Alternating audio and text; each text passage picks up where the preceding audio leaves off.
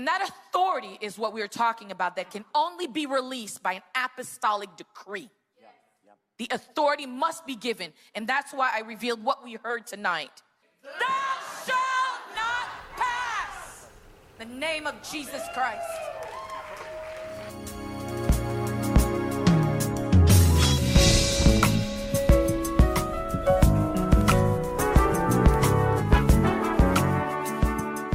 Je iets aan deze video's? Abonneer je dan op dit kanaal, zodat je ongeveer wekelijks nieuwe video's kunt zien die je helpen om te groeien in je kennis over geloofsverdediging. In de vorige video hebben we uitgebreid stilgestaan bij de betekenis en de bijbelse basis voor het begrip sola scriptura. En we hebben gekeken naar 2 Timotheus 3 vers 14 tot 17. En we hebben gekeken naar wat het betekent in het Grieks wanneer daar staat pasagraphe theopneustos. Uh, heel de schrift is door God uitgeademd. Um, maar een kritische vraag die je zou kunnen stellen, uh, naar aanleiding van dit schriftgedeelte, is de vraag: gaat dit nou ook over de Nieuwtestamentische geschriften? Hebben die datzelfde gezag? Want Paulus, wanneer hij hier schrijft aan Timotheus, verwijst natuurlijk naar de Oud-testamentische geschriften. Hij heeft het in vers 15 over uh, dat Timotheus van jongs af de heilige schriften, de Hiera Grammata, kent die u wijs kunnen maken tot zaligheid door het geloof dat in Christus Jezus is. En wanneer hij het heeft over heilige schriften die Timotheus van jongs af kent, dan heeft hij het natuurlijk over de oud-testamentische geschriften. Dus iemand die kritisch staat tegenover sola scriptura kan zeggen, ja, maar dit schriftgedeelte gaat alleen over de oud-testamentische geschriften, niet over de nieuw-testamentische geschriften.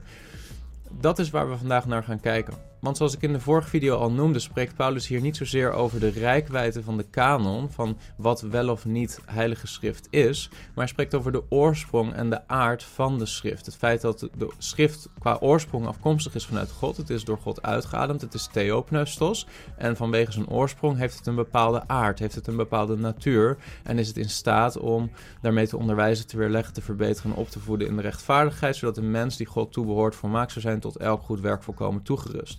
Maar de vraag is, hebben de nieuwtestamentische geschriften diezelfde aard, diezelfde oorsprong en daarmee ook datzelfde gezag? En de eerste vraag die ik wil beantwoorden om daar een antwoord op te geven is de vraag hoe keken de apostelen eigenlijk aan tegen de oud-testamentische geschriften? Als je leest in 2 Petrus 1 vers 20 en 21 dan leren we daar eigenlijk al een eerste les. Daar staat, dit moet u allereerst weten dat geen enkele profetie van de schrift vanuit eigen interpretatie is voortgekomen, want de profetie is destijds niet voortgebracht door de wil van een mens, maar heilige mensen van God, door de Heilige Geest gedragen, hebben gesproken. Dus Petrus geeft hier aan dat de wijze waarop de schrift tot stand is gekomen, de wijze waarop de profetische oud-testamentische geschriften tot stand zijn gekomen, is niet omdat Jezaja op een dag dacht: Oh, ik kijk op deze manier tegen de dingen aan, ik ga dat eens opschrijven en dat is vervolgens schrift geworden. Nee, er staat dat geen enkele profetie eh, vanuit een eigen interpretatie is voortgekomen. Er staat Pasa prophetia graphes idias epiluseos ginetai. Het Grieks is hier heel duidelijk dat het dus niet zozeer de eigen interpretatie van Jezaja was die hem ertoe dreef om schrift te schrijven en dat het ook niet vanuit zijn wil is voortgekomen, maar dat hij door de Heilige Geest gedragen werd. Hypopneumatos hagiou pheromenoi. Door de Heilige Geest gedragen hebben zij gesproken, hebben heilige mensen van God gesproken. Dus de schrift is tot stand gekomen op initiatief van God, die door de Heilige Geest mensen heeft gedragen en vervolgens zijn uitgeademde woord via die mensen tot schrift heeft gemaakt. Dat is de visie van Petrus op de oud-testamentische geschriften en op het hele concept van profetie van de schrift. Paulus zegt in Romeinen 15 vers 4, want alles wat eertijds geschreven is, is tot onze onderwijzing eerder geschreven, opdat wij in de weg van volharding en vertroosting door de schriften de hoop zouden behouden. Ook bij Paulus is al dit besef dat God eertijds in het verleden bepaalde profeten, mannen zoals Mozes, door zijn geest heeft gedragen om het woord van God op te schrijven. En dat hij dat gedaan heeft niet alleen voor de generatie waarin de profeten of waarin bijvoorbeeld Mozes leefde, maar met het oog op de generaties die zouden volgen. God heeft zichzelf geopenbaard. God heeft schrift tot stand gebracht via Mozes, via profeten zoals Jezaja en Jeremia. Met als doel dat dat opgeschreven zou worden en dat de generaties daarna dat nog steeds als het woord van God zouden ontvangen, zodat het vrucht zou dragen in hun leven. Dus dat is de visie van apostelen op het hele concept van schrift. Dat het een openbaring is van God met een plan voor meerdere generaties daarna. Verder is het zo dat de apostelen van de Heer Jezus Christus en hun directe collega's erkenden dat ze een unieke rol hadden in nieuwe openbaring die God gaf door middel van zijn zoon. Dat lezen we bijvoorbeeld in de Hebreeënbrief. In Hebreeën 1, vers 1 en 2 er staat nadat God voorheen vele malen en op vele wijzen tot de vaderen gesproken had door de profeten, heeft hij in de laatste dagen, in deze laatste dagen, tot ons gesproken door de Zoon, die hij erfgenaam gemaakt heeft van alles, door wie hij ook de wereld gemaakt heeft.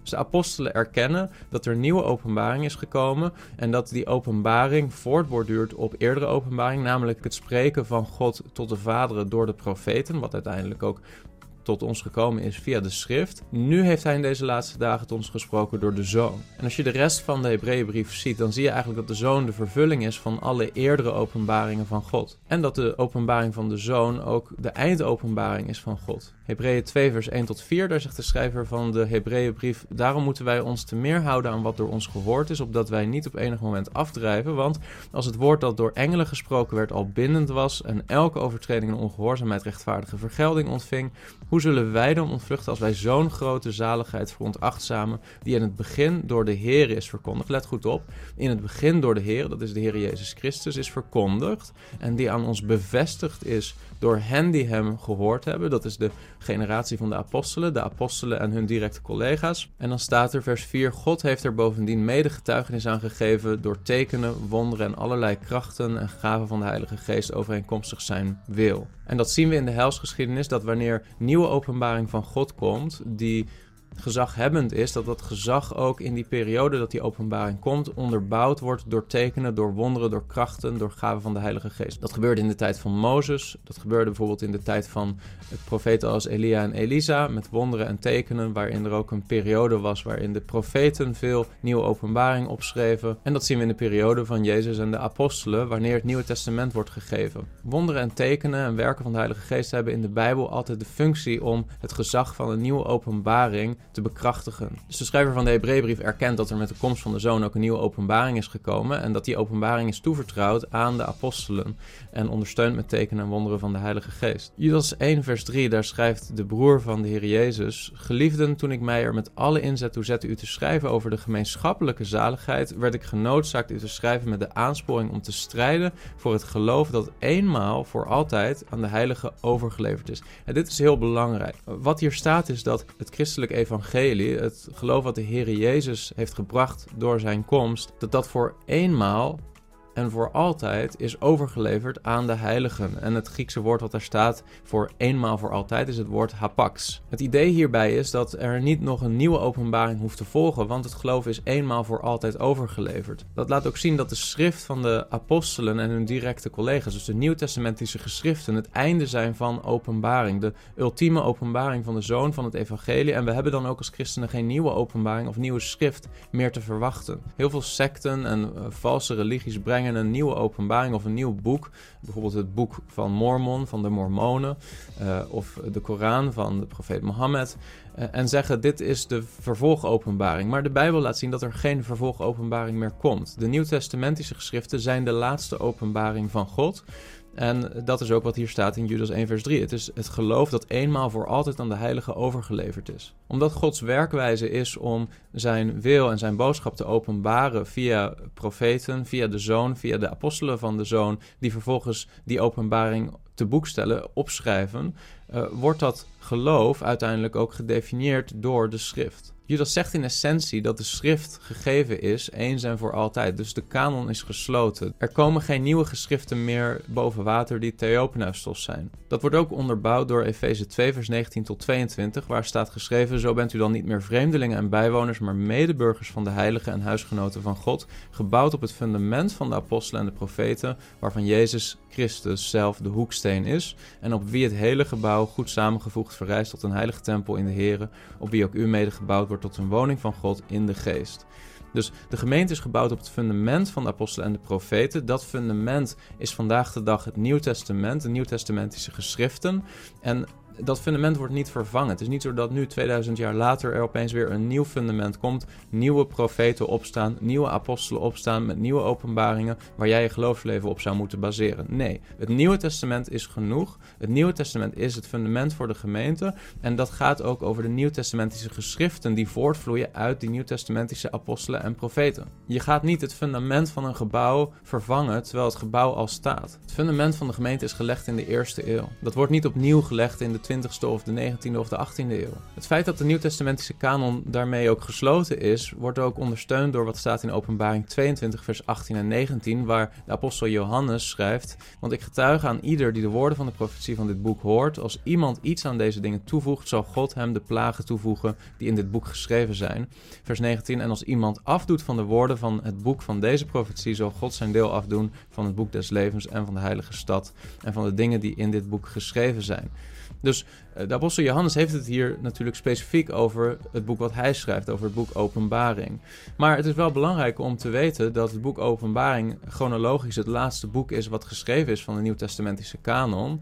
Uh, en de apostel Johannes de laatst levende apostel was op het moment dat hij dit schreef. Daarnaast is het ook belangrijk om te realiseren dat het boek Openbaring uh, openbaring geeft die helemaal doorloopt tot het eind der tijden, tot de dag des oordeels en tot de voltooiing van Gods heilsplan. Als je al die dingen in beschouwing neemt, dan besef je dat uh, wat Johannes hier zegt implicaties heeft niet alleen maar voor het dingen toevoegen aan zijn boek, maar überhaupt het dingen toevoegen en claimen dat die nog geïnspireerd zijn, dat die nog theopneustos zijn, dat die nog gezaghebbend zijn. Dus het is zo dat ondanks dat Johannes dit misschien primair schrijft over het boek Openbaring, dat dit betekenis heeft voor het sluiten van de kanon. Als iemand namelijk claims maakt ten aanzien van openbaring over bijvoorbeeld de eindtijd en zegt ja, ik heb geïnspireerde openbaring van God ontvangen, dan voegt hij in feite toch dingen toe aan datgene wat gegeven is door de apostel Johannes. Tot slot is het belangrijk om te beseffen dat de schrijvers van het Nieuw Testament en de apostelen erkenden dat zij nieuwe openbaring van God hadden ontvangen en dat ze daarin ook een unieke rol hadden. Er staat in 1 Thessalonicense 2 vers 13, daar zegt Paulus,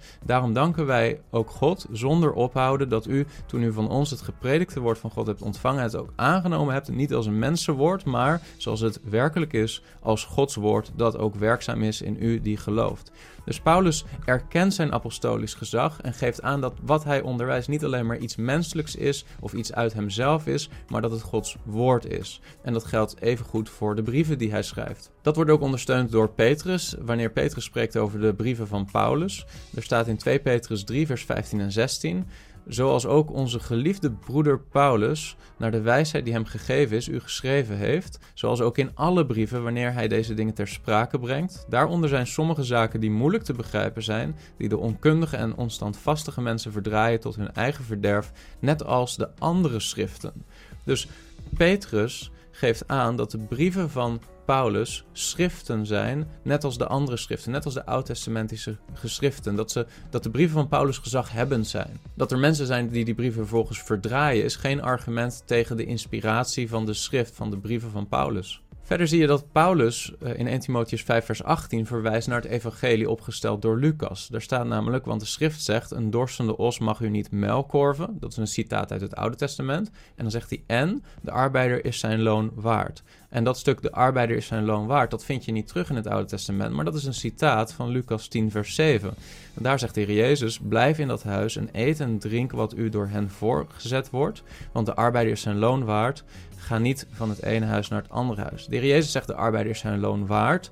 Dat staat opgeschreven in het Lucas-evangelie, vers 7 van hoofdstuk 10. En Paulus verwijst ernaar in zijn brief aan Timotheus en citeert dat als schrift. Hij zegt, de schrift zegt.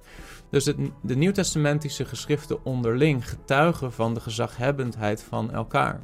In een vervolgvideo zullen we gaan kijken naar de totstandkoming van onze nieuwtestamentische kanon vandaag de dag. Maar het is sowieso belangrijk dat je nu hebt gezien dat de apostelen erkenden dat ze een unieke positie hadden, dat ze een unieke rol hadden in het doorgeven van de openbaring die was gekomen met de Heer Jezus Christus, met het evangelie, dat hun getuigenis het fundament vormde voor de gemeente en dat ze in die zin een unieke rol hadden die vandaag de dag niet meer bestaat. Er zijn geen apostelen meer zoals in de eerste eeuw en dat heeft natuurlijk ook betekenis voor de wonderen en de tekenen, etc die het gezag van de apostelen die er destijds waren ondersteunden. Als er vandaag de dag mensen naar jou toe komen die zeggen: Ja, je hebt de Bijbel, maar er is een nieuw boek gekomen. En dat is ook geïnspireerd door God, dat is ook Theopneustos. Ren dan weg. De Bijbel geeft geen ruimte voor dit soort sectes, voor dit soort nieuwe openbaringen, voor dit soort boeken. Wij hebben met het Evangelie van Jezus Christus de laatste openbaring ontvangen die God heeft gegeven voor de helsgeschiedenis. En het werk van de Heilige Geest vandaag de dag is niet het geven van nieuwe openbaring, maar het